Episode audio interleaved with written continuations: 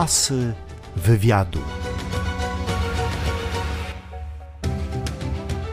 Barbara Fedoniuk, dzień dobry, witam Państwa i witam również mojego gościa, dzień dobry. Moje uszanowanie, witam Państwa, witam Panią. Krzysztof Tyniec, aktor filmowy i teatralny, konferencjer, tancerz. Wszystko się zgadza. Panie Krzysztofie, urodził się Pan e, w Nowej Rudzie e, na Śląsku. Tam skończył Pan szkołę podstawową. E, Kolejne miasto ważne w Pana życiu to Zgorzelec, tam szkoła średnia.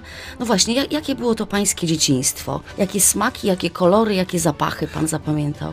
A, to ładne pytanie. Jeszcze nikt mi takiego pytania nie zadał. Pani Barbaro, pamiętam e, zapach e, e, dzieciństwa to wypieki, ponieważ wszystkie mamy dookoła piekły.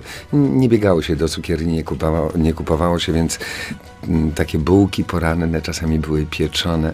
Pani, w tej chwili widzę i czuję zapach tych ciast. I tak było tak zwana kruszonka, czyli ciasto drożdżowe, prawda? Z taką posypką. Tak, to zapachy dzieciństwa, a kolory. Wie pani, ja miałem beztroskie dzieciństwo i za to jakby dziękuję opatrzności i rodzicom swoim. Kolory dzieciństwa to takie barwy tęczy, czyli bardzo przyjazne. Takie piękne świty, piękne poranki. Podwórko było z Podwórko. trzepakiem? Ja właściwie nie, nie, nie, nie, było e, trzepaka na bramie. E, trzepaliśmy e, dywany, ale gdyby był trzepak, to chyba dziewczyny by na tym trzepaku się przewijały. Myśmy mieli swoje zajęcia. Wtedy były czasy, wie pani, bonanzy, żorra winetu, więc biegaliśmy z patekami, biegaliśmy z tymi naszymi koltami, procami, łukami. Ja byłem Old Shatterhand, ktoś był winetu, a mieszkałem, ja mieszkałem bardzo blisko lasu, więc spędzaliśmy blisko lasu, blisko podwórka, blisko szkoły, blisko kościoła. Czyli wszystkie najważniejsze instytucje w zasięgu ręki, tak? Wszystko było w zasięgu ręki. Szkoła średnia e, w Zgorzelcu, technikum elektroenergetyczne. Pan się przeniósł z rodziną, czy mieszkał pan w internacie? Nie, nie, nie, nie, nie. Moi rodzice, jak ja byłem młodym człowiekiem, rozwiedli się. Tata mieszkał w Zgorzelcu, mama pozostała w Nowej Rudzie. Jak skończyłem szkołę podstawową, no to, e, ponieważ nie było takiej szkoły technicznej w Nowej Rudzie, więc musiałem dokonać wyboru albo liceum, albo technikum. Ale to, ta nazwa tak mi imponowała. Elektroenergetyczne. Mama marzyła, żebym ja był inżynier. Jak pani wie, nic z tego nie wyszło. No ale poszedłem do tego technikum pięcioletniego w Zgorzelcu, bardzo blisko granicy niemieckiej, gdzie chodziliśmy na wagary. No i tak pięć Ale lat można było tak przechodzić bez problemu? Tak, tak. Mieszkańcy nadgranicznych miejscowości mieli takie specjalne przepustki. Wówczas mm, tak to było, więc byliśmy pod tym względem troszeczkę uprzywilejowani. Co kupowaliście tam po niemieckiej stronie? Na piwo żeśmy tam chodzili. No my chłopaki, no na co żeśmy chodzić. Ale kupowało się ciajnik mit gwizdek, prawda? ciajnik mit gwizdek. Wtedy była taka moda, że obywatele e, NRD Niemiec kupowali u nas takie skórzane czarne kurtki i takie kosze wiklinowe. I to i czasami się wiedziało, że Zgorzelec był zarzucony koszami wiklinowymi, ponieważ Niemcy przychodzili i wykupywali to w mm, ogromnych ilościach. Widocznie była taka moda i to im się podobało. Potem widziało się ich w Gerlitz, jak chodzili z tymi koszami na zakup. Czy pan był takim chłopcem w technikum recytującym wiersze na akademiach? Tam się to zaczęło. Tam się to zaczęło. Powiedzieli, a to ty idź, ty, ty nie, zaśpiewasz piosenkę, to, tą zaśpiewasz, tą zaśpiewasz. Należałem do drużyny harcerskiej, tam śpiewałem takie różne harcerskie piosenki i na ognisku też mnie wypychali, e, żebym śpiewał. Mówię wypychali, ale mnie się to podobało. Mnie się to podobało, e, słuchaczom też się podobało, więc ta moja przygoda jakby z takim, e, z występowywaniem, że się tak wyrażę. Już od podstawówki. Zaczęła się już od podstawówki. E, Zaczęły się moje starty w konkursach recytatorskich, spotkania. Potem spotkanie z Marianem Szałeckim, który zaproponował mi występy w teatrze, mm, amatorskim oczywiście teatrze e, zgorzeleckim. A w Zgorzelcu wówczas odbywały się, e, ja w nich uczestniczyłem jako widz i chłonąłem to mm, tak zwane oftia to było, czyli spotkania mm, teatrów jednego aktora. I odbywały się cyklicznie, więc przyjeżdżali też zawodowi aktorzy i, i, i z Poznania, i Wrocławia, i, i Warszawy i bardzo dużo zdolnych, wspaniałych amatorów prezentowało e, swoje monodramy. Ja wówczas chodziłem i chłonąłem to wszystko i tak to się zaczynało. już pan przepadł. Kiełkowało, tak, już przepadłem. Asy wywiadu. Ale absolwent technikum dostaje się za pierwszym razem do warszawskiej PWST? Tak się zdarzyło. Za pierwszym razem dostałem się do warszawskiej PWST. Ucieszyło mnie to ogromnie. Studia były miłe i piękne. No właśnie, o studiach. Czy szkoła może nauczyć zawodu? Myślę, że tak, ale wie pani, trzeba mieć szczęście, trzeba mieć szczęście trafić na właściwego pedagoga. Ja miałem ogromne szczęście trafić na mistrzów w szkole teatralnej. Tadeusz Łomnicki, Jan Świderski, To rzeczywiście klasyka. Zofia Mrozowska, Zygmunt Hibner, Erwin kurczę. profesor Bardini, Wojciech Siemion. Także było od kogo brać i proszę mi wierzyć, w pewnym momencie postanowiłem, że ja wycisnę to jak cytrynę, żeby jak najwięcej skorzystać z ich umiejętności, z ich talentu i ich wiedzy. Był pan dobrym studentem?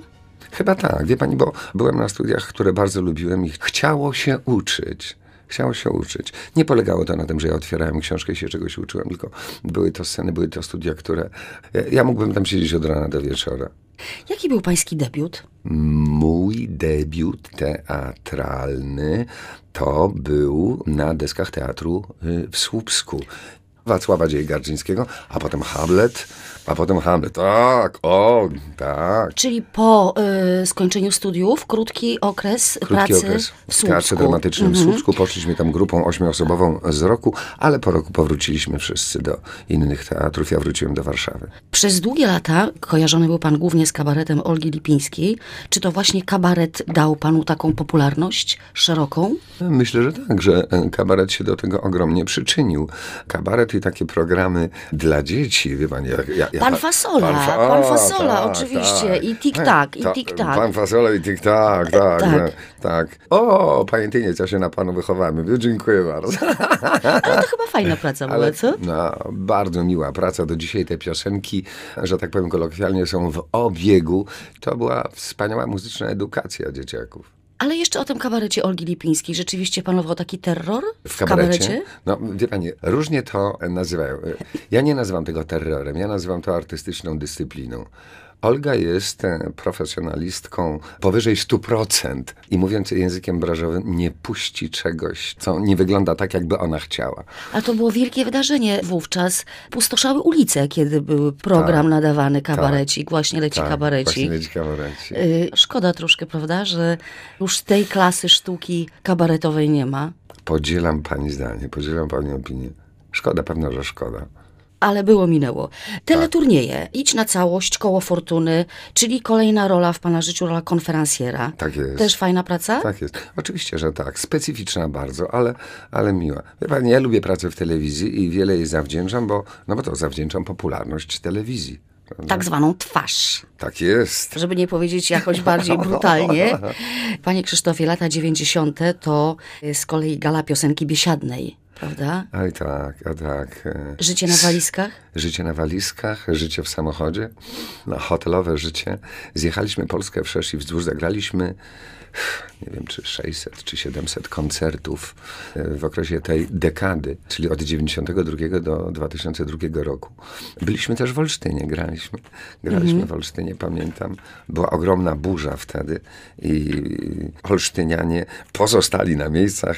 Nas zalewała woda, widzów zalewała woda, a wszyscy żeśmy te e, piosenki śpiewali. To wielka zasługa Krzyśka Jaślara, reżysera i pomysłodawcy i e, Zbyszka Górnego, którzy postanowili przypomnieć jakby kanta, zwrotki do znanych refrenów, bo ludzie sobie śpiewali czasami, prawda, góralu czy ci nie żal, ale jakie tam były Tak, zwrotki, nie pierwsza zwrotka i koniec. I tak koniec. aha. jest i ta piosenka jakby uzyskała niewłaściwe znaczenie w potocznym rozumieniu góralu czy żal. I ten okres pańskiego życia, y, czyli te podróże po Polsce, też miło pan wspomina? Czy to było Bardzo. męczące? Nie, bardzo miło wspominam. Czasami tak bywa, zebrała się znakomita ekipa ludzi, którzy lubili z sobą pracować, a przygotowywane to było bardzo solidnie i bardzo, bardzo profesjonalnie. To nas cieszyło. Natomiast te tysiące ludzi, którzy zaszczycali nas swoją obecnością na koncertach, a to w hali ludowej we Wrocławiu, a to, e, To e, tysiące. w katowickim spotku. Raz zdarzyło się tak, że pewien e, z organizatorów sprzedał cały spodek na okrągło, czyli to, czyli publiczność siedziała za sceną. Oczywiście ludzie protestowali, więc my musieliśmy, no ta scena nie była obrotowa, więc ja musiałem latać dookoła. To oczywiście mm, mm, bardzo naszą próżność i no, przynosiło ogromną satysfakcję. A zyski? Myśmy bardzo dobrze zarabiali. O, wreszcie lubię taką szczerość. Ale oczywiście myśmy bardzo dobrze zarabiali Asy wywiadu.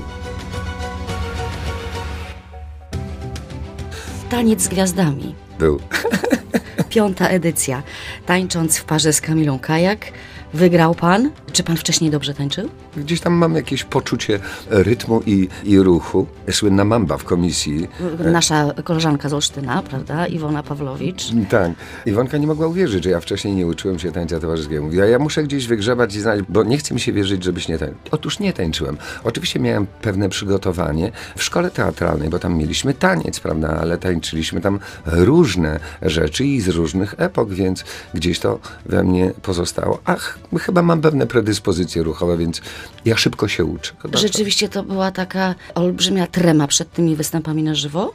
Taka paraliżująca, czy nie? Ja czegoś takiego nie odczuwałem. Ja raczej odczuwałem taki obowiązek, że jak mm, coś przygotowałem, to muszę to wykonać. Ta moja partnerka była czasami przerażona, bo ona by chciała powtarzać to po sto razy. A ja mówię, nie, wystarczy jak powtórzymy trzy razy i potem się skupmy i zatańczmy. Mówi, jak to? Jak to? Ja mówię, no tak to, żeby to było świeże. A ten moment ogłoszenia wyników i kiedy się okazujecie, że jesteście zwycięzcami, że ta kryształowa kula e, do was trafia, jakie to emocje? To wzruszający był moment, gdzie właściwie nie wiadomo jakich użyć słów, prawda?